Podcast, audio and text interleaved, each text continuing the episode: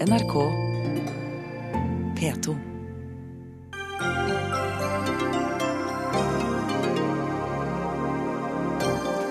Alvorlig syke må få fastlege ved sykehusene. Det mener professor i sosialmedisin Per Fugelli, som møter helseminister Jonas Gahr Støre til debatt. Snekkere og andre faglærte skal få begynne rett på ingeniørstudiet. Da kommer enda flere studenter til å falle fra, hevder kritikerne. Fjordmann får penger av Fritt Ord for å gi ut bok. Belønner ikke ytringsfriheten, men de som skriker høyest, sier SVs Snorre Valen.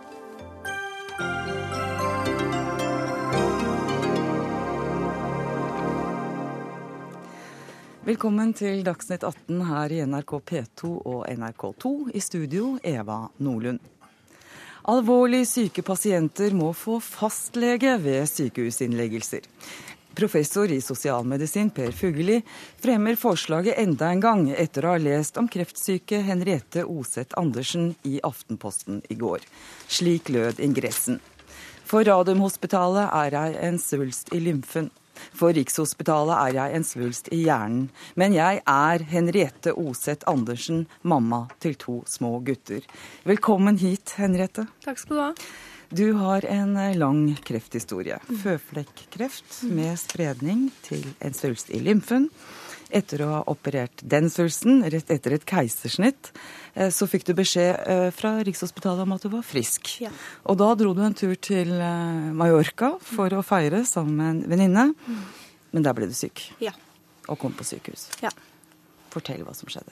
Det som skjedde, var at eh, vi satt og tok en cappuccino. Så begynte jeg å surre litt med Ola. Eh, og så var vi inne i en butikk hvor jeg handla noe som ikke hang helt på greip. Og begynte å surre veldig og, og sånn. Og så plutselig fikk jeg et epilepsianfall. Og så havna jeg da på et sykehus eh, i Palma. Hvor jeg får påvist at jeg har en svulst på hjernen. De finner den ved, ved slags røntgen. Ja, CT. Ja. Og hva skjedde derfra og videre? Da får jeg beskjed av nevrokirurgen der nede at jeg må få trykket ned før jeg flyr hjem, og så må jeg kontakte sykehuset så fort som mulig og få operert ut denne svulsten i løpet av en to-tre dager, sier de til meg. Eh, hva, hva, hva- hvordan får en da trykket ned? Hva gjorde du for å kunne fikk- komme hjem til Norge igjen? Da fikk jeg kortison og epilepsimedisiner. Mm. Og så kom mor. Ja, og Ja. så kom mor. Så eh, kom du hjem til eh, Norge. Mhm. Eh, Da starta en, eh, et nytt kapittel i den historien. Hva skjedde da? Eh, Mens jeg lå i Palma, så var jeg liksom så trygg på at nå ordner alt seg når jeg kommer hjem. fordi at jeg hører jo til Radiumhospitalet, og hadde jo da vært på sjekk der uka føre. Eh, Men det mamma får beskjed om når hun ringer dit, er at eh, siden det har gått til hodet, så gjelder ikke det Radiumhospitalet lenger. Da må jeg på Riksen. Rikshospitalet. Rikshospitalet. Ja. Eh, Så ringer mamma til Rikshospitalet, men de ville ikke ta meg før Drammen hadde gjort en vurdering av Av deg. Ja. Men du sa at du hadde bilder fra et sykehus i Spania? Ja. ja Men det var ikke nok? Nei. Nei. Fikk nesten litt dårlig samvittighet da vi ringte deg i dag, for du håpa det var Rikshospitalet Ja, som ringte, og så var det, var det bare oss. Eh, hva, nå venter du altså på å bli operert, og skal opereres 19. juni, Ja. er det det? Hvordan har tida fra du kom eh, fra Spania vært for deg? Den har vært helt uholdbar, egentlig. Eh, Jeg har eh, svingt veldig i humør. Både går opp og ned, og du prøver liksom å holde motet så godt du kan. Og jeg har jo to små barn som lever midt oppi det her, og jeg får beskjed om at jeg ikke kan være alene, og jeg må ha tilsyn hele tida. Og... Men så hører jeg da ingenting. Jeg får ikke noe beskjed om hvor eksakt kuren sitter, åssen de skal operere, om det, hva som skjer etterpå, eller om det skal barberes, eller altså alle de tinga som man på en måte kanskje kunne hatt litt på plass. Det får jeg ingen, ingen beskjed om i det hele tatt. For kun et papir i brev i posten om innleggelse. For ordens skyld, ringte Rikshospitalet etter at vi ringte i dag? Har du hørt noe mer? Nei, jeg har ikke det. Nei. Da skal vi spørre deg, administrerende direktør ved Oslo universitetssykehus, eh, Bjørn eh, Erikstein. Hva sier du til det Henriette forteller om måten hun har blitt behandla på? For det første så er det jo, skjønner jo jeg Hen- Henriette veldig godt. Hun har en alvorlig sykdom og har hatt en uh, alvorlig skjellsettende opplevelse under en ferietur til, til Spania. Ble katt, godt tatt uh, vare på der, så langt jeg har hørt. Og så er det jo slik at uh, denne sykdommen er jo slik at man må jo tenke seg litt om før man gjør et såpass alvorlig inngrep som det å operere i hodet også er. Sånn at jeg forstår at man må utrede litt mer. Var det nødvendig å begynne ved Drammen? Kunne dere ikke gjort de utredningene ved Rikshospitalet umiddelbart? det, altså Rikshospitalet dekker jo hele Helse Sør-Øst og faktisk store deler av landet og har ganske stort press. Så at Vi er jo avhengig av at sykehusene i nærområdet der pasienten bor, faktisk gjør en del av denne jobben. Så dette kunne ikke vært gjort annerledes, som du ser det? Jeg, nei, det, jeg sier ikke det. Altså, det, det, det kan alltid gjøres bedre.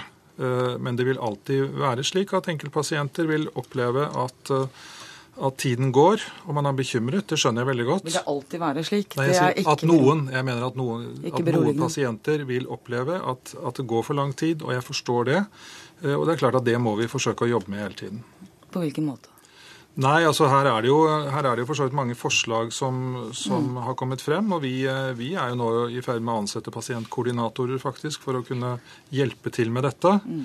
Uh, og så er det, det er vanskelig dette, jeg skjønner det. Og det er alvorlige sykdommer, det skjønner jeg også. Når kom forskriften om pasientkoordinatorer?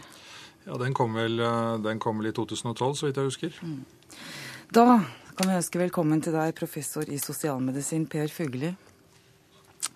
Under din egen alvorlige sykdom så har du støtt på, så vidt jeg husker, 37 leger. Men det var i 2011, så er kanskje flere etter det.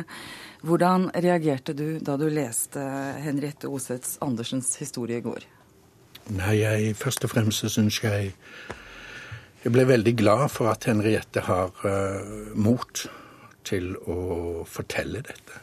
For jeg tror egentlig at kanskje uh, det viktigste våpen vi har for å få orden på at alvorlig syke i sykehus, de skal ha en fastlege som de føler er min, som har samleansvar, som gir trygghet, tillit. Jeg tror det viktigste våpen det er at folk som Henriette sier fra, krever sin rett. Så hipp hurra for det. Og jeg tenker det håper jeg Henriette vil komme til å oppleve òg, som jeg har opplevd, og det store, store flertallet av mine medpasienter. Altså, vi sier hipp hurra for den norske helsetjenesten. Den er rettferdig. Den gjør ikke forskjell på fattig og rik, mektig og mektig. Flott. Flinke folk. Flinke folk. Mm. Altså ti tonn kunnskap, teknologi. Vi, vi, vi, vi er i medisinskfaglig veldig gode hender. Men så har det altså fått skjevutvikle seg Helt fra 2001 eh, så hadde fått skjevutvikle seg en, en, en, fragmentering, bit for bit. Det var en, en vittig medpasient sist jeg var på sykehus, som sa når jeg kommer på sykehus, så føler jeg meg som konfetti. Jeg ble lyst, løst opp i tusen biter, og disse bitene faller ned på hver sin avdeling, hver sitt laboratorium. Føler på en måte at jeg går i stykker som helt menneske. Og jeg tenker Altså Når en blir alvorlig syk, Henriette vet det, altså du blir redd. Du blir grunnleggende redd, og da lengter du etter trygghet og tillit. Og det kan du bare få gjennom en fastlege i sykehus. Men nå hører vi at det blir ansatt pasientkoordinator. Er ikke det nok? Må det være en eh, lege? For en koordinator er vel ikke nødvendigvis en lege? Men... Jeg er veldig redd for den utvanningen som ligger i pasientkoordinatorbegrepet. For da tenker jeg mer i retning av en slags et administrativt kontorpersonell som skal passe på at det ikke blir dobbeltbooking av avtaler, og at pasientforløpet går ordentlig på samlebåndet. Men det er ikke det vi trenger. Altså, Vi trenger en myndig fagperson som vi føler er min. Mm. Henriette, sånn på direkten, kan du si noe om det? Vil du være tryggere med lege? En, en, koordinator som også var din, som ja, skulle følge det? og Så vidt jeg vet, så har Riksen en sånn koordinator eh, som sitter og Eller som i hvert fall jeg har prøvd å ringe eh, opptil en titalls ganger som har, jeg har blitt lovt at det skal ringe tilbake igjen. Eh, men jeg har jo ikke hørt noe fra henne. Så det hjelper jo egentlig ikke så veldig mye at det står at de har det på papiret, hvis det ikke fungerer som det skal. Mm. Helseminister Jonas Gahr Støre, du eh, rista på hodet da Fugelli snakka om eh, dette med administratorfrykten. At det ikke skal ja. Nei, altså, Jeg rister ikke på hodet av det han sier, for Nei, han det sier jo som vanlig dette på en veldig flott måte. og La meg bare si to ting innledningsvis. at Her har vi det bildet av veldig gode faglige resultater. Og jeg tror at uh, Henriette blir behandlet på noe av det beste verden kan gi når hun kommer på Rikshospitalet. Og alle våre kurver over overlevelse etter slike operasjoner går i riktig retning. Det er vel og Men- bra. men- Men, når du begynner der, Ja. så må jeg også få spørre, hva syns du om Henriettes eh, historie? Hvordan reagerer du som ja, nei, ansvarlig altså? Som jeg også har sagt i Aftenposten i går, at det gjør veldig sterkt inntrykk å lese om det. det Mm. Vi er medmennesker, vi skjønner det. Vi kan nesten føle på den redselen og uroen. Ja, men som statsråd, men Ja, skrev jo alle. nei, så tenker jeg det Dette må jeg gjøre noe med. Ja, og jeg vil med respekt å melde si at vi gjør noe med det. Som det ble sagt her, nå er det altså lovfestet at for kompliserte sykdommer med kompliserte forløp, så skal det være en slik koordinator. Det, Men det har det med respekt å melde vært vedtatt før, eh, Støre. Da. Ja, men nå, er det altså, men nå er det i lov at det skal være for kompliserte forløp. Men det jeg ristet litt på hodet, er at jeg med respekt å melde tror ikke at det må være en lege. Eh, Det må være helsepersonell, men det kan være veldig dyktige sykepleiere. Annet helsepersonell som har erfaring og omsorg til å kunne hjelpe. I noen tilfeller på et sykehus vil man se at her behøver det være en lege. Men jeg tror med det trykket vi har inn mot unnskyld, de bør jo ringe tilbake, da. Det, ja, Det er jeg helt enig men det må nesten Erikstein og sykehuset svare på. Det kan ikke jeg svare på, det er en selvfølge. Eh, Og på hvilket tidspunkt vedkommende bør da eh, tre inn i den rollen overfor Henriette, det, det må også må sykehuset gjennom sin ledelse vurdere. Men jeg tror at hvis vi gjør dette til at det må være leger hele veien, og jeg tror også Legeforeningen som er her, ser at det er ikke nødvendigvis ensbetydende med at det er kvalitet. Jeg tror også Kreftforeningen ser det. Så jeg er mer opptatt av at det er et menneske som virkelig er en som kan sykehuset, som kan koble deg opp. For nå har vi spesialisert behandling som gjør at du nødvendigvis må innom flere avdelinger for å få de gode resultatene. Og Det siste jeg vil si, er at vi ser jo at dette går igjen i hele Sykehus-Norge. Vi er gode på behandling. Vi er dårlige på kommunikasjon, for å være litt sånn tabloid. Mm. Vi har en stortingsmelding nå om kvalitet pasientsikkerhet, og der går det igjennom. Og det må vi er utfordre oss på. Veldig dyktige fagfolk. men er det bare kommunikasjon det handler om når sånne som Henriette Det kan jo være flere. Nei, Må nå- vente såpass lenge? Nei, det, det handler om, ø, ø, om organisering. Men jeg syns Erikstein vi skal lytte til det. For det er klart at en veldig komplisert tilstand som hun har hatt, at man i norsk helsevesen ønsker å utrede det grundig før man går til operasjon. Hun kommer til operasjon i neste uke. Det kan ikke jeg som ikke-fagmann sette meg opp mot. Men det med kommunikasjon er viktig i forhold til det som Per Fugle var inne på, nemlig tryggheten. Ø, Opplevelse av redsel og god kommunikasjon, så hvor vi blir bedre etter hvert. Men der tror jeg også vi trenger liksom nye generasjoner som kommer inn og ser på dette med litt nye øyne. Da skal vi ønske vår siste gjest her eh, velkommen. Jon Helle, du er altså leder i Overlegeforeningen. Bør vi innføre sånn som Per Fugelli øh, vil ha, og som Henriette føler seg mest trygg på, en fast legeordning ved sykehusene for de som er alvorlig syke? Jeg vil jo støtte og rose Henriette for at hun tar opp dette. Mm. Hun viser mot og styrke i en kjempepresset situasjon, så jeg er virkelig imponert. Eh, Vi støtter også Fugli sine tanker om en fastlege. Mm. Fenomenet pasientansvarlig lege ble jo første gang introdusert i 1997. Så det er et gammelt begrep som Legeforeningen har støttet. Og vi ser at en lege i en sånn rolle, med den brede kompetansen og oversikten en lege har, vil ha en større rolle for å skape trygghet og gi nødvendig tillit til ordningen. Ja, Det var vel, så vidt jeg husker, kan gå litt i surr her, men dette var en forskrift som ble oppheva igjen, ikke sant? Eh, Og da, Støre, hvorfor ble den oppheva? Var det fordi det var for vanskelig? Var det fordi den ga det opp? Eller hvorfor Nei, gikk den altså, over til det, det ble sagt at eh, nå, nå heter det at det skal være fortrinnsvis en lege. Eh, eh, jeg mener at det, også det er et unødvendig krav så spesielt. Jeg har veldig respekt for leger, men punkt én, de er ikke alltid de beste til å være til stede i den type situasjon som vi har her. Og det finnes også annet helsepersonell på et sykehus som har de, eh, de kunnskapene. En kreftsykepleier eh, som har lang erfaring i å jobbe med kreftpasienter.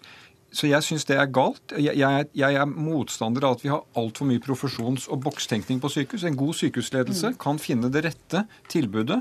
Det skal være en koordinator for kompliserte forløp. Om det er en lege eller en sykepleier f.eks., det tror jeg ledelsen må få skjønn til å vurdere. Da kan vi jo si eh, Henriette, at dette fungerer jo i, i enkelte land. Spania, hvor du har vært på sykehus, der har de faktisk en sånn fast legeordning tilnærma. Fugelli, vær så god. Ja, jeg tenker på Så jeg er dypt uenig med, med Støre i dette at det ikke skal være en lege. Det kan være unntak. altså på en, mener på en rehabiliteringsavdeling kan det være en fysioterapeut. På en, en, en psykiatrisk klinikk kan det være en psykolog.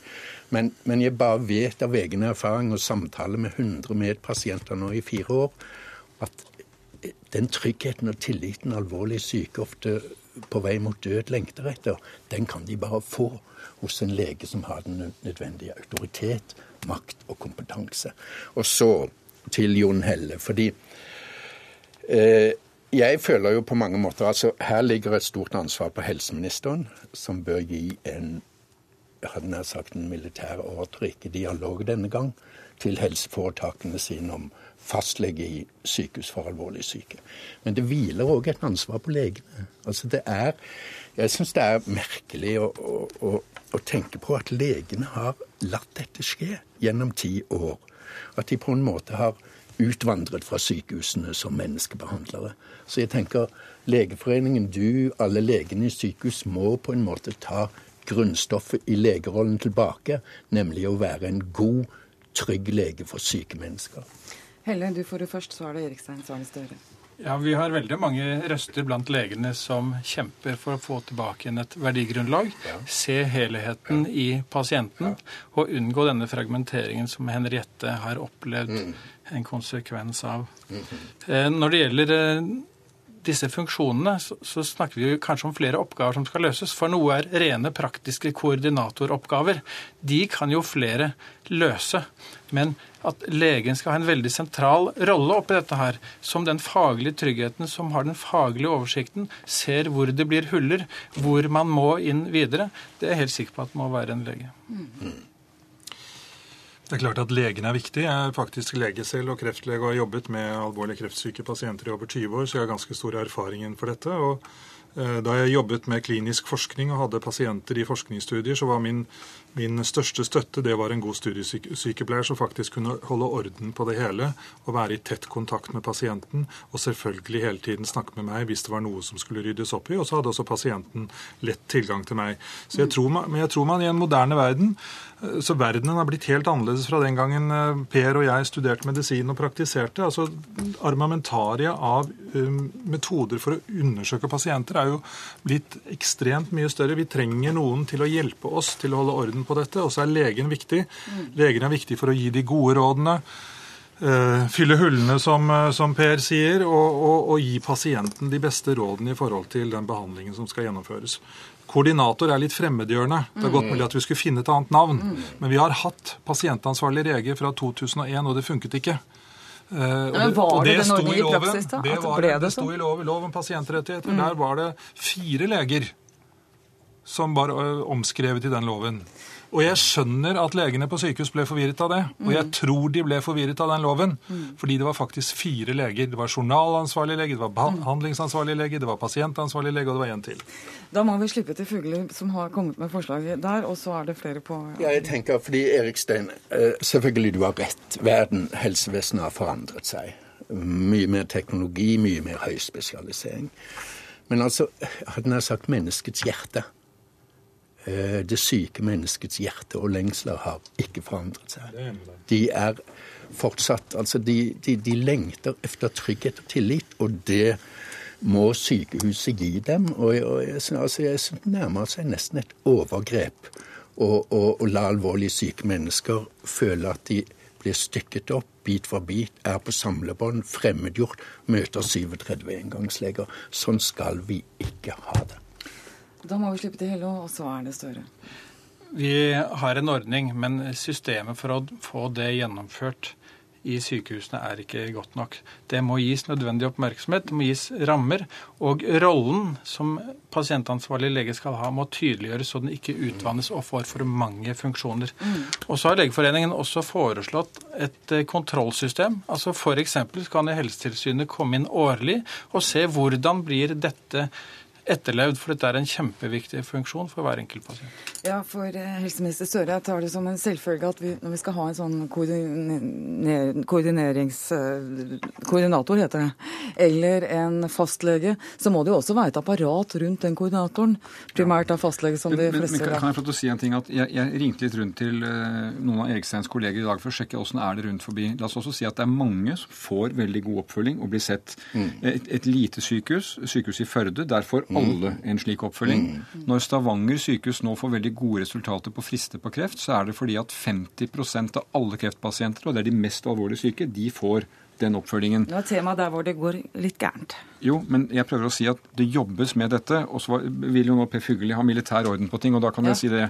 Det er nå vedtatt i lov at det skal være en slik koordinator. og Da betyr det at Helsetilsynet har ansvar for å følge opp at loven følges. I tillegg så har jeg i oppdragsdokumentet til norske sykehus for 2013 understreket igjen betydningen av dette. I tillegg så hadde vi en diskusjon om dette i Stortinget for et par uker siden. Min forgjenger et par ganger tilbake, Ansgar Gabrielsen, hadde for vane at alle steder han kom, så spurte han hvordan går det med kreftkoordinatorer. Og jeg gjør også det når jeg reiser rundt på sykehusene. For dette er også en holdningsendring i ledelsen og organiseringen av legeressursene, sykepleierressursene på sykehusene. Og jeg ser at flere av dem ser nå at det gir også bedre resultater i pasientbehandling og resultater for pasienten. Og da tror jeg på vei i riktig retning, og at vi kan se en bedring på dette feltet. Men det er jo en uenighet her, for du så vidt jeg husker sa nylig at det, det trenger ikke presiseres at det bør være en lege engang. Nei, jeg holder faktisk fast med det, men da mener jeg jo det at det betyr jo ikke at du skal være fravær av lege. Og jeg tror det er riktig som Helle sier, at på de områdene hvor legen har den spissinnsikten som gjør at du kan få både autoritet og kunnskap, så skal legen være til stede. Men jeg tror at et, et stort, travelt sykehus som Oslo universitetssykehus, Rikshospitalet, eh, Stavanger, Haukeland osv., det å bestemme at det må være en lege, det tror jeg gir en en, en, en, en, mangel på fleksibilitet i et system hvor det finnes mange veldig andre dyktige folk, som f.eks. sykepleiere, kreftsykepleiere, som kan gi det samme tilbudet. Men det er en ledelsesutfordring å plukke ut den som er rett plassert for den rette pasienten. Du kan si som regel lege. Hmm. Ja, altså jeg tenker kan, Det står i loven. Det står i loven i dag at det skal være eh, som, som regel en lege. Men jeg, men, men jeg, og jeg tenker at igjen, en god ledelse på et sykehus vil se f.eks. For, for Henriette i hennes tilfelle. Kan det godt hende at det er riktig. Jeg er ikke lege, men en, ikke heller i sykehusledelsen. Det er det tryggeste for oss alle om vi får snakke med legen. Det er jo ikke til å komme fra. Nei, men det, jeg, pasientene. Ja, men jeg, jeg, har spurt pasientene, og jeg kan love deg det finnes de pasientene som sier at den legen jeg så der, det er ikke den jeg vil se. Men det er en fantastisk sykepleier her som hjalp meg og hadde omsorg og hadde det jeg trengte. Så det er ikke alltid sånn. Du er lege, Per. Du tror at leger kan det meste her, jo, men eh, bevare meg vel, jeg har hadde nær sagt ligget med 100 medpasienter disse fire årene, og vi har snakket mye om dette. 90% vil ha en lege som fastlege i sykehus. Henriette Oseth Andersen, nå har du fulgt med på debatten. Du skal få siste ord. Ja. Eh, nå hører vi at helseministeren sier at eh, pasienter eh, ønsker eh, både en koordinator som ikke er lege, og en som er det. Eh, føler du deg etter det du har hørt, trygg på at det ikke er så farlig at det nødvendigvis er en lege? Nei, sjøl ville jeg gjerne hatt en lege mm. som hadde tatt en telefon til meg. Men jeg tror, måte, jeg tror, det er viktig at dere husker på det. At eh, alle pasientene, vi er ulike individer. Eh, det var en PEDLE-lærer som jeg hadde en gang som sa at eh, det er summen av delene som utgjør helheten. Mm. Eh, og det føler jeg at eh, det må dere ta på alvor. Dere må finne enten da en lege eller en dyktig sykepleier som tar, tar og ser på hva jeg trenger. Det er ikke sikkert Per har de samme behova som det jeg har, mm. men jeg har hatt et behov, både i fjor sommer, som jeg da fikk en baby i tillegg, og nå, at noen har ringt meg og forklart situasjonen mm. for hvordan ting skal foregå videre. Det er det, er det jeg har tenkt. Det, det, mener jeg er en helt åpenbar eh, rettighet du har i foran det du skal gjennom neste mm. uke. Og vi får håpe at du får den telefonen før du skal eh, stille opp. Ja. Tusen takk til deg, Henriette Oseth Andersen, for at du kom til Dagsnytt 8. i dag. Takk til Per Fugli, helseminister Jonas Gahr Støre. Og takk til Jon Helle, som er leder Overlegeforeningen. Og takk til direktør ved Oslo universitetssykehus, Bjørn Erikstein. Hør Dagsnytt 18 når du vil nettradio eller som podkast. nrk.no – dagsnytt 18.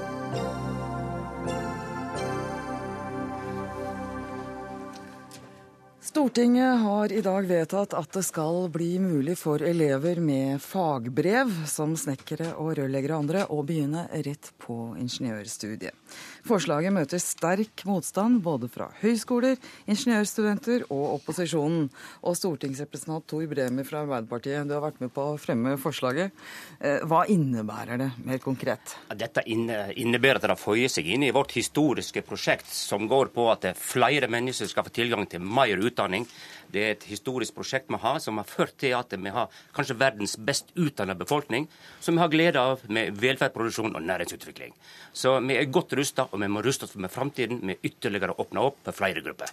Men når elever med fagbrev skal inn på ingeniørstudiet, da, da må vel, hvordan skal det da legges til rette på ingeniørstudiet? For de har en annen bakgrunn enn, en de, de som har studiekompetanse. De har en annen bakgrunn, men den er ikke noe mindre verd. Dette er folk som er genuint Nei, men det er noe annet enn praktisk Ja, definitivt. Og det er en høgverdig erfaring de har fra arbeidslivet. Norsk industri er verdensledende på sitt område. Mm. De er fantastisk langt framme teknologisk. Det er en verdifull kunnskap og bakgrunn å ha med seg inn i studiet. Absolutt, men jeg tenker mer sånn praktisk. Ja. Praktisk, så betyr det Et øyeblikk. Hvordan skal dere legge til rette for høyskole, høyskolene som har ingeniørutdanning, sånn at de kan ta imot eh, studenter med en annen bakgrunn? Vi har nå tegna en ny kurs, en ny utvikling i forhold til hvordan en skal se på framtiden. Så skal vi ta detaljene etter hvert. Ok, greit. Eh, da skal vi gå til Petter Øyan, som er dekan på Fakultet for teknologi, kunst og design ved eh, Høgskolen i Oslo og Akershus. Er dette en gladnyhet for dere? Nei. Eh, jeg kan vel begynne med å si at Vi har jo allerede gode overgangsordninger fra yrkesfaglig utdanning til ingeniørutdanning. Jeg har snakket med dekanene både på Høgskolen i Bergen og Høgskolen i Sør-Trøndelag. Og jeg ser også at dekanen på Høgskolen i Buskerud er veldig skeptisk til dette forslaget. Eh, vi har ordninger med forkurs og tresemesterordning og mattekurs før eh, man kan gå inn på ingeniørstudiene. Fordi spesielt mattefaget er veldig krevende. Vi har mm. strykprosenter som er veldig høye. og vi må løfte de som begynner, opp på det nivået vi kan ta de imot på. Mener du det er tilrettelegginga for denne type studenter med, med, fagbrev at de må gjennom noen sånn forprøver. Ja, og, de, det, gjør, de, gjør, det, og de gjør det ja. kjempebra når de har gått gjennom disse tilrettelagte løpene. Men du eh, nikker. Ja. Betyr at uh, det... det betyr at her kan skal uh, fortsette med å ha tilrettelagte tilbud til elevene. Før de går inn på studiet, eller? Uh, det kan være ulike modeller. Det kan være forkurs kan være aktuelt. Det kan være at du har mer tilpassa tilbud til studentene underveis. Så fordi at du skjønner, Framtidige studenter vil ha en mye mer broket bakgrunn.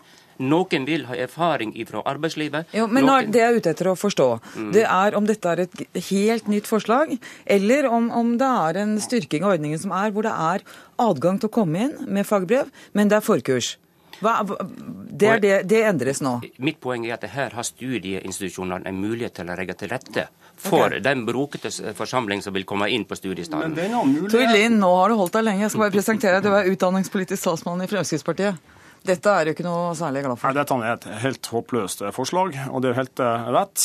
Høyskolene har muligheten i dag til å lage tilrettelagte program. Mange høyskoler har gjort det, men da er det fagspesifikke. altså Rørleggere kan bli VVS-ingeniører, og det er tilrettelagt gjennom at de får ekstra eh, undervisning i matematikk. I forkant. I forkant, Eller under løpet. Hvordan høyskolene velger å legge opp dette, mener jeg at vi skal ikke sitte på Stortinget og bestemme. Det må høyskolene klare å, å få til sjøl. Men det vedtaket som eh, Bremer og Arbeiderpartiet har fått gjennomført i Stortinget i dag, sier altså det at folk som har tre uketimer matematikk, skal få lov å begynne på vanlig ingeniørutdanning. Uten forkurs. Er det det som er striden her? Når vi, når vi vet at én av tre eh, som begynner på ingeniørutdanning i dag, faller ifra, og hovedårsaken er at de kan for lite matematikk. Eh, og de har altså 15 uketimer, de som begynner i dag. Tor Bremer mener at folk som har tre uketimer, skal luses inn i dette systemet. Dette kommer til å føre til at flere får begynne på ingeniørutdanning.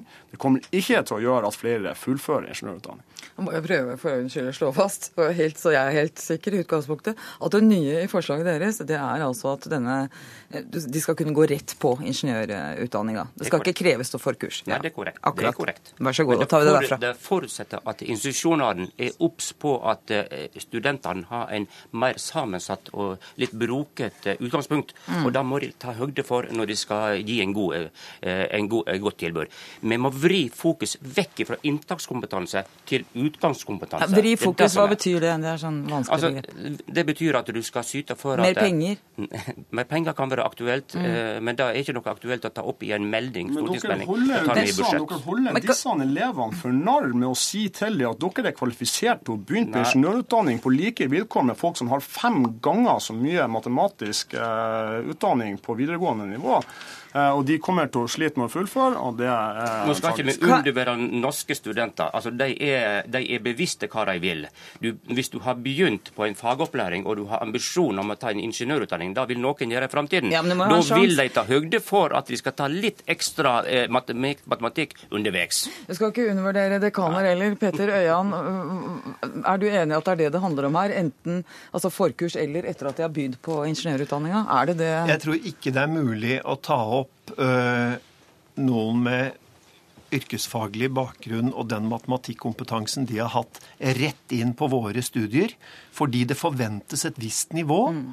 For å kunne realt, henge med. ja. Mm. Det er veldig lite realt, for de kommer til å stryke. Det er det som er den korte meldingen. Og eh, sånn som jeg ser det, så, så vi, de vil slite veldig med å komme inn i studiet. Og de studentene jeg har snakket med i dag, altså lederen i studentrådet hos oss, har yrkesfaglig bakgrunn, har tatt studiefaglig påbygging og tar tresemesterordning. Og da klarer de seg, og de gjør det bra. Men det disse tiltakene eksisterer i dag, det som jeg leser her, det er at det skal kunne komme en med yrkesfaglig bakgrunn rett inn i første studieår ingeniørfag. Ja, sånn er det stryk- tenkt. Sånn er det tenkt. den. Da stryker den. Ja. Det er ikke sånn at dere er snobbete på ingeniørstudiet og ikke vil ha en snekker og rørleggere? Nei, vi har mange av dem, og de gjør det veldig bra. Nei, men det er jo kjempe, og det er jo kjempeviktig. Nå har vi jo klart i fellesskap, næringslivet, akademia, nasjonale politikere har klart å lage et system som fungerer med YVM. Vi får jo masse fagarbeidere gjennom dette systemet. Det de også har vedtatt i dag, er å åpne disse studiene for, for sånne som meg, sånne mer akademisk orienterte typer. Man legger altså til grunn at, eh, at folk med studiespesialiserende skal få gjennomføre dette eh, med ca. et semester mindre teknologi enn de som eh, går på vanlig, eh, tar vanlig ingeniørutdanning i dag. Det, det, det er helt håpløst. Altså, vi må ha respekt for yrkesfagenes særegenhet og, sær, og egne kvalitet, og beholde de to løpene vi har i dag. Og høyskolene må få styre dette, ikke Stortinget og Arbeiderpartiet. Ja, Bremer, det, det kan jo for eh, mange av oss høres litt lite realt ut om, du skal, om de skal ha samme utgangspunkt, de som kommer med tre timer matteuka, og de med 15. Det er ikke sånn at de med låge, dårlige karakterer og lave ambisjoner nå kommer til å strømme til høyere utdanning. Det er de Nei, men dedikerte, er de dedikerte, det er de som har en, en bestemt uh, Har et mål med utdanningen sin, som nå kommer til å velge dette her. Og de er veldig bevisste. Det er ikke slik at du hopper av Ja, men en yrkeskarriere og tar opp sant, for, for, går glipp av flere millioner kanskje i inntekt for å, for, for å stryke på en ingeniørutdanning. Nei, de har bestemt seg for at de skal klare dette. skjønner du. Ja da, det er ikke i tvil om problemet. Motivasjonen, men eh, vi snakka om at det, kunne, at det var lite realt. Altså, For det er jo ikke snakk om manglende vilje eller innsats. Du har jo et helt annet utgangspunkt hvis du har hatt tre timer matte og om, enn de som har hatt 15. Og igjen, dette er noe institusjonene må ta høgde for. Har... De må ha mer tilrettelagte tilbud til den, den mangfoldige sammensetningen som er av studenter i framtiden. Øyan, du får ansvaret her. Hvor mye mer penger vil du ha da? Det kommer til å koste mye. Eh, Fordi vi ser jo nå at disse dedikerte studentene de velger å ta et helt års påbygging eller et helt års eh, tresemesterløp hvor de går og tar ekstra matte og fysikk ved siden av det første studieåret. Eh, og, og hvis man skal Altså, jeg, jeg tror ikke det er mulig å ta inn noen som kommer fra yrkesfag i den samme matematikkundervisningen og samme fysikkundervisningen som de som har høyeste nivå fra videregående. Så da må det lages andre helt spesielle løp. Det kan hende vi må ha eh, fast Altså, vi har jo løsningene, men vi kan ikke slippe de Det koster et år ekstra. Ja, Ja. mm. Ja, men Det kan her peke ut på noe viktig som Bremer tilsynelatende ikke har fått med seg, nemlig at institusjonene Utdanningsinstitusjonene tar ansvar i dag. Eh, mye av tilrettelagte løp det trenger ikke Stortinget å rote til. Jeg må dessverre sette strek der pga. tida, men det skulle ikke forundre meg om vi kommer tilbake til saken. Takk til deg, Petter Øyan. Takk til Tord Lien, og takk til Tor Bremer.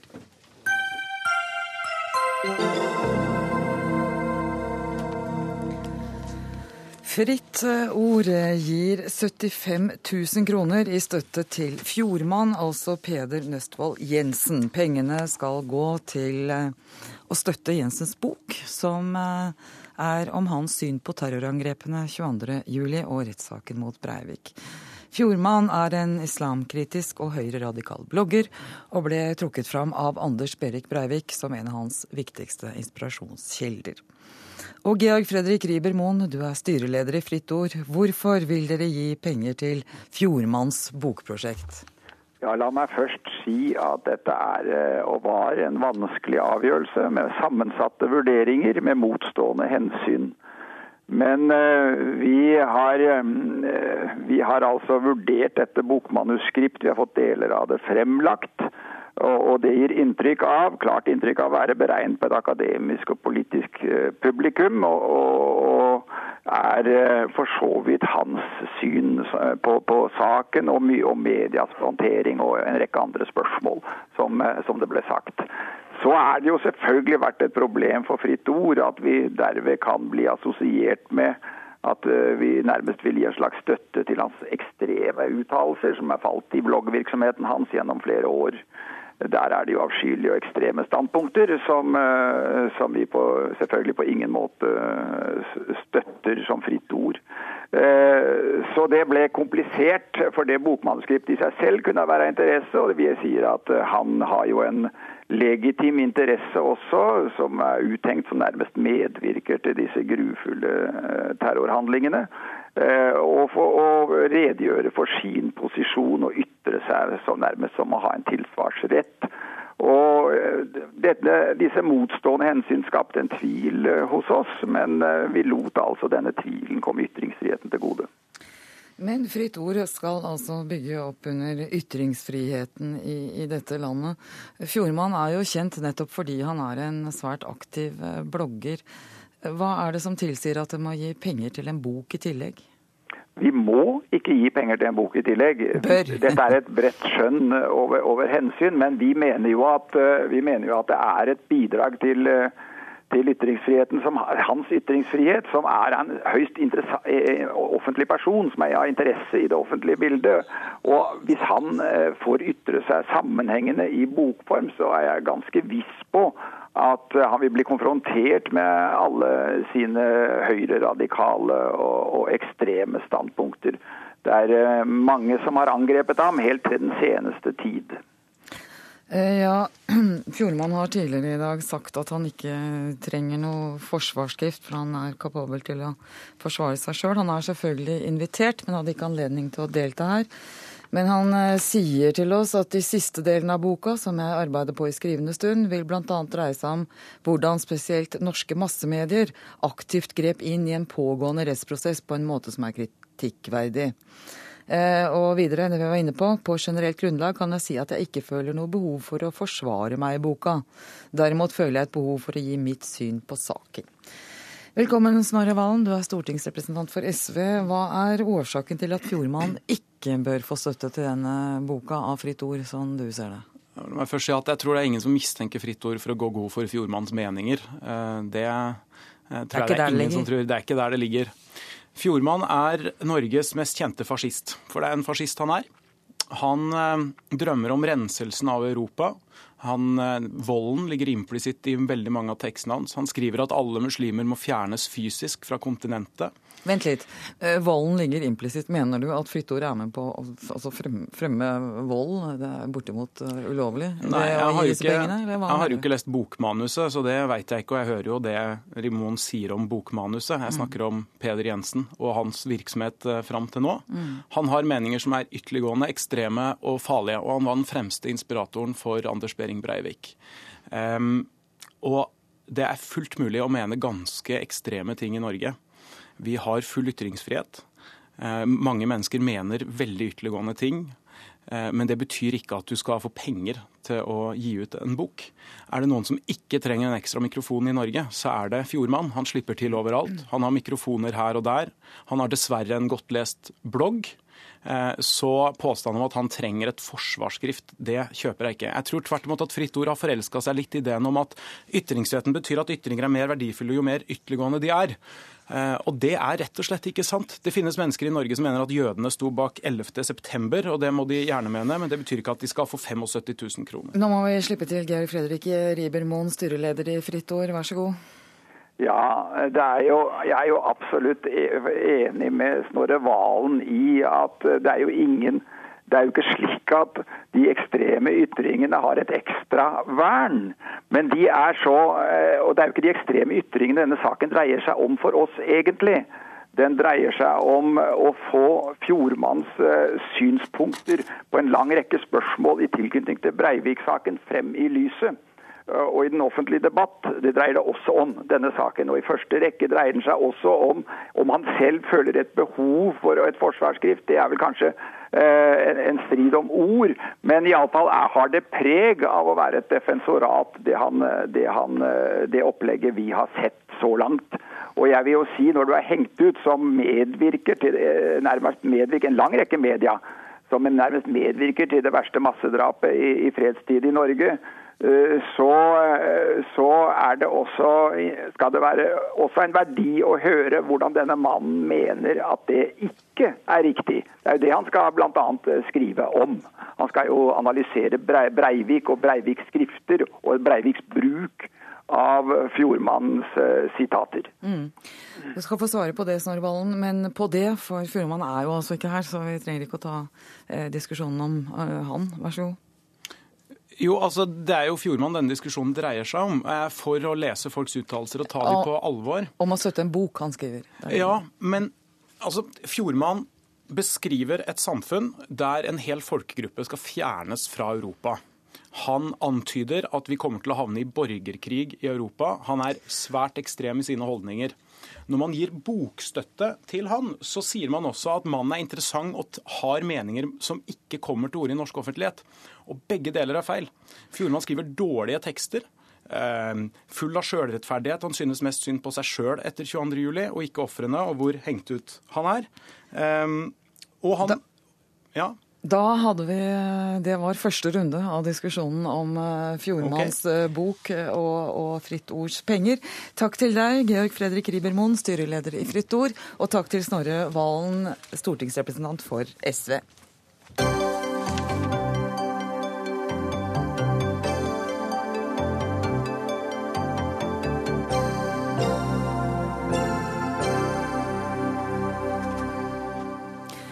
Nå skal det handle om eh, norsk økonomi, for i dag la Norges Bank fram eh, rapporten fra regionale nettverk, der 1500 personer i 325 bedrifter i ulike næringer er blitt intervjua om situasjonen. Det viser seg at det ikke går så det gviner lenger. Det er fortsatt vekst, men den er lavere enn forventa. Og direktør i Norsk Industri, Knut Sunde, indeksen viser at veksten avtar for nær sagt alle næringer. Hva innebærer det? Ja, For industriens del så innebærer det at vi har elendige markeder i Europa. Ettersom Europa sliter med å holde seg oppe og økonomien går nedover, så selger vi mindre. Og vi selger jo to tredjedeler av våre varer til Europa. Mm. Så da har vi dårlige markeder der. Men resten av økonomien så tror jeg Ola Dunk er bare litt forsiktig. Når det blir mye ledighet rundt og bankene er litt forsiktige, så blir Ola Dunk litt forsiktig, og da går forbruket ned, og så roer det seg. Eh, eksportindustrien, eh, men altså, hva, betyr det mer konkret? Kan det ryke arbeidsplasser? Eh, hva vil skje? Ja, eksportindustrien er litt sånn delt i to nå. Det er Veldig mange lever av olje og gass, og de har det enn så lenge ganske bra. Selv om de sliter litt der òg. Det er ikke alt som blir eh, seire der heller.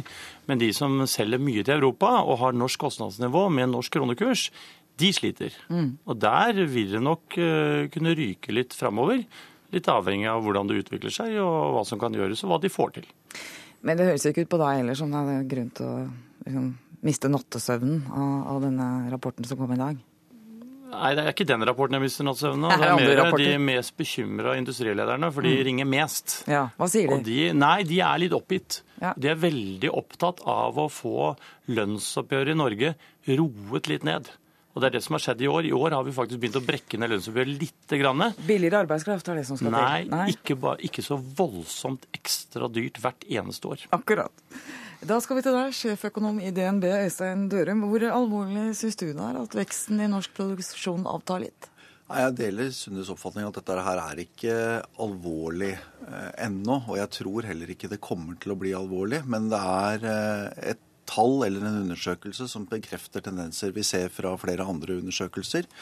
Vi har NHOs økonomibarometer som kom på onsdag, som viser noe av det samme. At bedriftene er mindre optimistiske, venter lavere vekst framover. Vi har arbeidsmarkedstall som tyder på stigende ledighet og svakere, om noen, vekst i sysselsettingen. Mm. Og vi har ikke heller veldig frisk vekst i innenlandsk eh, etterspørsel. Jeg er litt mer usikker enn Sunde på om dette skyldes innenlandske faktorer, bortsett fra det som bankene kan ta skylda for. Innenlandske faktorer, kan du snakke om? Ja, altså ting som skjer innenfor Norges grenser, og ikke utenfor Norges uh, grenser. Ikke at vi er forsiktige, men at det er andre ting? Ja, altså det er, det er selvfølgelig slik at uh, Europa er fortsatt i krise. Der er vi inne i det syvende kvartalet med nedgang mm. i eurosonen. Og det er mange norske eksportbedrifter som kjenner på det. Mm. Vi har, uh, som Sunde også var innom, et uh, kostnadsproblem i, i Norge. Mm. og det skyldes igjen oljerikdommen. Vi har unnet oss høy lønnsvekst over mange, mange år. Eh, og så er vi i en situasjon hvor bankene er blitt bedt om å styrke kapitaldekningen og strammer til på kreditten, samtidig som bedriftene er litt usikre på utsiktene og holder tilbake på investeringene. Mm. Tror du som Sunde at det beste, mest fornuftige nå er å ikke gi folk så store lønnsøkninger? Jeg tror, er det andre ting som Altså det jeg tenker hele tiden her at lønnsveksten må stå i forhold til produktivitetsveksten og markedssituasjonen. Noen bedrifter i Norge har veldig god lønnsevne og betaler eh, veldig godt. Spesielt oljeleverandørnæringen har god lønnsevne og betaler godt. Og så har vi en lønnsdannelsesmodell i Norge som innebærer at de fagene Sunde representerer, frontfaget, de setter eh, standarden for andre. Og det var kanskje lettere før når industrien talte med én stemme, og litt vanskeligere når industrien taler med to stemmer. Altså deler som sliter, og deler som uh, gjør det Offshore og fastland. Der har vi todelingen av norsk økonomi. Ja. Vi har det sånn at I, i forfjor hadde vi 4,5% lønnsvekst i Norge. I fjor hadde vi 4% I år lander vi mellom 3 og 3,5 kanskje. Litt avhengig av hva som skjer fremover. Men i Europa ligger de på omtrent 2 Sånn at det voldsomme lønnsfallet kan vi jo ikke snakke om. Vi snakker bare om hvor, hvor mye mer lønnsvekst skal vi ha enn andre land. Mm. Og jeg tror nok fordi det er litt strammere arbeidsmarked i Norge enn i resten av Europa, særlig Sør-Europa, mm. så kan det godt hende at vi skal ha en høyere lønnsvekst, men den trenger ikke å være så veldig mye mer. Det er det det dreier seg om. Mm. Og da dreier det seg om at frontfaget, altså industrien, må prøve å styre dette inn på et litt mer fornuftig nivå. Mm. Fordi ellers så skaller vi industrien for fort, og det tror jeg egentlig ingen vil. Industrien kommer til å bli plagd av norsk kostnadsnivå. Skaller vi av industrien, nei, det er økonomien, du? Ja, ja, for hvis dette er, hvis både kronekurs og, og, og, og lønnsutvikling går for fort, så, så, raser industrien ut. De siste tre årene, konkurransekraften vi har tapt de siste tre årene, så er to tredjedeler av det kronekurs og en tredjedel er lønnsøkning. Mm. For lønns, ekstra lønnsøkningen drar med seg en kronekurs, litt sånn grovt sett. Og Det er det vi har vært veldig opptatt av i årets oppgjør. Det er å få roet litt ned på lønnsutviklingen, sånn at også kronekursen kan roe seg litt. Og Nå er det litt mer kompliserte sammenhenger, det kan Dørum fortelle om. Men det har vært vårt mål i år, og det mener vi så langt at vi har iallfall kommet litt på vei i riktig retning. Og dette er topplederne opptatt av, for de ser mange år fram i tid. Da skal vi henvende oss til professor Dørum her. Eh, for det er vel sånn at denne rapporten den er bestilt av Norges Bank. Eh, de vil jo ikke kommentere den, og det regner jeg med er fordi at det er deres grunnlag for å, å mene noe om renta neste uke. Blir det? Ja, det må bli det fredag. Ja. Eh, hvordan, dette, hvordan ser du på det storbildet og det Sunde var inne på? det? Det er folk der ute som eh, mener at Norges Bank nå er på etterskudd og de må kutte renta mye. Jeg lurer på om det er svar på feil spørsmål. Fordi at eh, de problemene som norsk økonomi eventuelt har, de tror jeg ikke løses eh, i særlig grad av at renten kuttes ytterligere noe. Altså, men de setter ikke opp renta nå? De setter du er bankøkonom, men de setter den ikke opp? Nei. Nei. Vi tror ikke de setter opp renta. Det er Norges Bank har selv sagt våren 2014. Vi tror i desember 2014, eller la oss si seint i 2014. Mm. I øyeblikket så er ikke kronekursen så dramatisk sterk at det hadde presset frem et, et rentekutt. Eh, og jeg tror ikke man trenger først og fremst lavere lånekostnader og mer fart i boligmarkedet. Eh, men man trenger kanskje å hindre at kronekursen blir, eh, blir for sterk. Mm. Vil du ha rentekutt, eller? Jeg, er for så vidt enig med Dørum at rentekutt har en del andre sider ved seg. Mm. Og nå, nå, er det litt sånn at renten går litt opp helt uavhengig av Norges Bank øh, gjør, fordi det er en del reguleringer på bankene som virker litt på samme måten. Mm. Så vi er mer opptatt simpelthen av at kronekursen ikke blir for sterk. Og det er mange måter å håndtere det på. Og jeg tror partene i arbeidslivet som, Hvilke måter? Ja, Blant annet så sitter jeg i Norsk Industri, og vi, skal, vi er med på frontforhandlingene. Så vi mm. har et ansvar selv for å mm. bidra. Og så er Skattedebatten kommer jo som en kule inn i valgkampen nå. Fordi alle land rundt oss setter ned skatter, og derfor mm. så kommer dette i norsk politikk også. Vi har også med oss Steinar Medios, som er økonomikommentator her i NRK. Eh, viser denne rapporten som Norges Bank har lagt fram i dag, at eh, krisetidene i Europa begynner å? Det har vel vært et spørsmål lenge om hvor lenge kunne Norge være helt utenfor det som skjedde rundt oss. Eh, og vi har jo vært utenfor så langt fordi vi har en fantastisk høy oljepris. Mm. Og vi har et oljeeventyr. Og som herrene adresserer, vi er også veldig aktive i den sektoren. Mm. Men eh, det går dårligere der ute enn vi hadde regnet med. Og det må vi etter hvert begynne å ta inn over oss. Dessuten har også oljeprisen falt. Det begynner også og flere begynner å bli litt nervøse av. Så mye tyder på at vi kan ikke bare regne med at dette eventyret og at annerledeslandet skal være annerledeslandet i all evighet. Hva er det sånn du ser det som vil påvirke norsk økonomi i størst grad framover? Nå har altså, vi, vi hørt om lønn og altså, Ja, men vi har altså Mens Europa går dårligere mm. enn vi hadde håpet og trodd, eh, så har altså Norge gått bra, men arbeidsinnvandringen til Norge er i prosent den høyeste i Europa. Mm. Så jeg vil si at det er kanskje avgjørende hvis dette bremser opp og oljeprisen fortsetter å falle ned, som en del mennesker begynner å frykte, mm. så er spørsmålet er arbeidsinnvandrerne er de arbeidsinnvandrere, eller er de innvandrere? Har de tenkt å reise hjem igjen, eller blir de?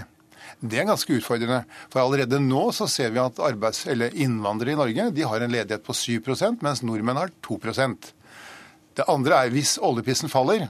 Og jeg satt sammen med folk i et norsk rederi i går, og de så, prøvde å lage et scenario rundt oljeprisen. Og de var meget sikre på at den skulle videre nedover. Hvis det inntrer, så er ikke dette så veldig lyst lenger. Da er vi på en måte rammet av forholdene rundt oss. Så oljeprisen vi skal følge med på, altså? Nå som før? Oljepris og arbeidsinnvandring. Takk for at du kom, Steinar Medios. Takk også til Øystein Dørum, som sitter der ja, og er sjeføkonom i DNB. Og takk til direktør i Norsk Industri, Knut Sunde.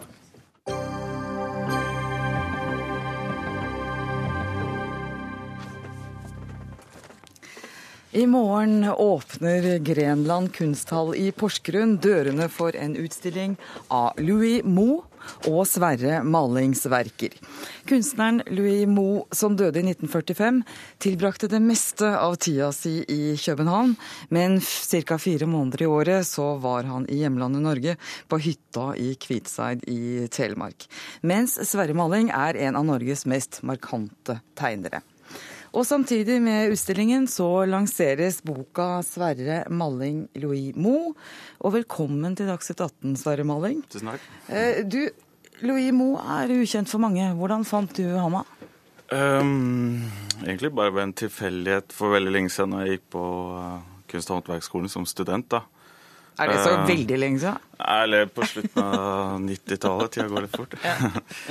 Men um, Eh, jo, jeg, bare, ja, det var bare tilfeldig. Jeg var inne i en uh, brukthandel i Hegdehaugsveien og kikka litt og bare så litt rundt. Og så fant jeg liksom det der, eh, et bilde som var innramma der på veggen, som jeg syns bare uh, skilte seg veldig ut fra alt annet man vanligvis pleier å se. altså Sånne bilder man raderinger og grafikk, så pleier det ofte å være litt sånn trøtte landskaper eller kanskje gamle Aker kirke eller noe sånt, men ikke akkurat så veldig interessant. Men det her var liksom litt spennende. og bare, Det var noe med motivet som var liksom litt um, foruroligende og uh, litt sånn rar stemning over det hele, som jeg som beit meg merke i. og um, var liksom litt helt annerledes. Så jeg tenkte kanskje at det her var vel antageligvis en, en en grafiker fra slutten av 1800-tallet, kanskje fra Tyskland eller Tyskland, Belgia ja. eller et eller annet noe nede, noe sånne obskure greier. Og det tenkte du fordi at der var sto symbolismen sterkt? Ja, det har ikke stått, så det har ikke vært så gjeldende her til lands, så det er kanskje litt med det å gjøre. Og, og det var jo veldig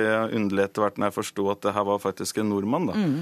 Og som i, i, stor grad har blitt litt forbigått, eller i hvert fall blitt, altså blitt litt glemt. da. Mm. Det var veldig vanskelig å komme på sporet av han etterpå også, fordi Ja, for vi må fortelle, ja. for du fortalte meg før, at dette trykket, det fikk du ikke. altså, For da du kom tilbake, så var det solgt. Så ja. du måtte leite videre etter Louis Moe. Det var ikke det at det var altfor dyrt, men jeg måtte liksom tenke, tenke litt, litt, på det. Ja. Så jeg så, eh, så, på saken litt og kom tilbake neste dag. Da hadde jeg faktisk med pengene, men da var det dessverre solgt, så Trist historie, men du fant han igjen. Og de som har hørt om Louis Moe, de mm. har vel først og fremst eh, sett tegninger av vakre alver og eventyrslott. Og han ble vel også kalt rett og slett Danmarks Walt Disney? Ja, det er jo kanskje det som han er mest kjent for. Hvis han i, en grad han er kjent, så er det liksom mer den folkeskjære barnebokillustratøren da, som har liksom mer av dette søtlatende og uh, Sukkersøte. Uh, ja, troskyldig, uskyldsren. Uh, liksom litt sånn barne, barne, barneboktegninger, rett og slett. Ja. Og så var det jo litt vanskelig da å plutselig tenke meg For det, det, var jo akkurat når jeg begynte å søke meg, prøve å nøste opp hvem denne mannen var, så fant jeg nettopp bare henvisninger til barne... Altså sånne Jeg har med meg en liten barnebok eh, som han har gjort. Ja, jeg vet ikke om som... det er mulig. For, for, de som hører radio, så er det ikke mulig å se nei, det. Men, eh, det er klart. Men, men hvis, du holder, eh, hvis, du holder, det sånn som du holdt i stad, så tror jeg at de som De som ser det, at ja. ser at dette er Dette er ganske, veldig søtt og prydelig og ja. veldig hyggelig og, og veldig fine også, da. Og veldig det. fine, mm. ja. Men alt er hyggelig og eventyraktig og fint. Absolutt. Ja. Um, men da var det liksom litt sånn gøy og interessant å se og komme på sporet av uh, den litt mer uh, grumsete Lumo, da, som jeg etter hvert fant. da, på en måte, Eller eh, skjønte at det fantes noe annet der også. Mm.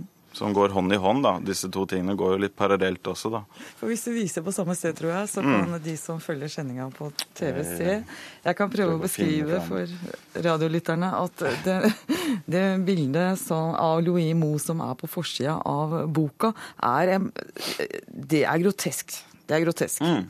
Det er eh, ja, det er litt sånn fryktinngytende og litt sånn skrekkatmosfære. Og det er, det, er, det er, vel rett og slett ditt yndlings, et av dine yndlingsbilder? Ja, det er veldig vanskelig å utpeke én, men, men uh, jo, det er en av uh, de jeg bitt meg virkelig merke i. Og, og, det her var jo det trykket jeg faktisk så i, i, i Hegdalsveien i Oslo den gangen. Akkurat. Som jeg heldigvis nå har fått lov til å kjøpe igjen, da, eller fått uh, jeg har vært og besøkt, altså Vi har jo trollet opp, liksom vært og besøkt samlere og forskjellige museer nede i Danmark. Mm. For han bosatte seg jo i Danmark.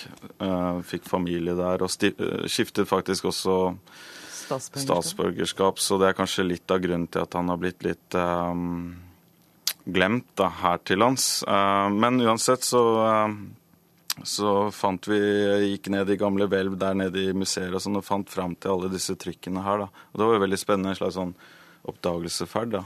Ja, Så har du funnet en rekke nye trykk til boka og ja, utstillingen. Vi har gjort har det... et utvalg nå, da. Ja, ikke sant? Mm. Boka. Men, men, har det påvirka ditt syn på Louis Moe? Hva har du lært mer om han? Hva slags øh, tegninger har du funnet? Um, nå er det jo um, enormt stor produksjon da, som er ganske mangfoldig. Uh, så, og det er jo en av de tingene jeg syns er nettopp interessant med han, at han rommer nettopp denne flerstemtheten, altså sånn mangfoldig som man det, det, finnes en slags dissonans der da, mellom dette, disse kontrære ytterpunktene som man hele tiden veksler Groteske mellom. Og det vakre. Ja, som på en måte er eh, to ytterligheter som på mange måter er to sider av samme sak. Da, Men det var ganske, helt på tampen, ganske mye erotikk i disse nye Ja, det er det også. Ja. Eh, både overspilt og underspilt, så er han veldig F.eks. i motsetning til Kittelsen, som han ofte blir sammenlignet med. da. Mm.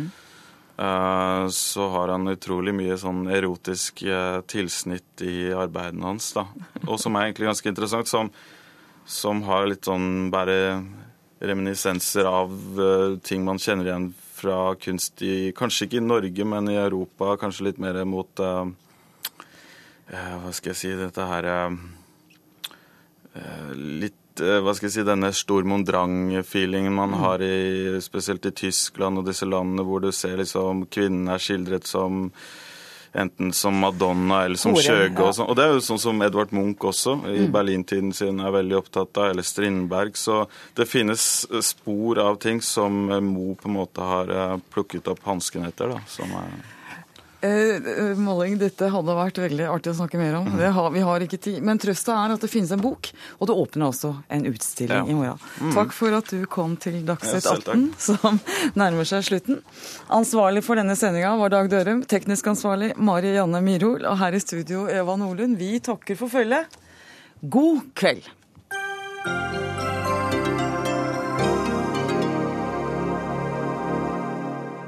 Hør flere podkaster på nrk.no podkast.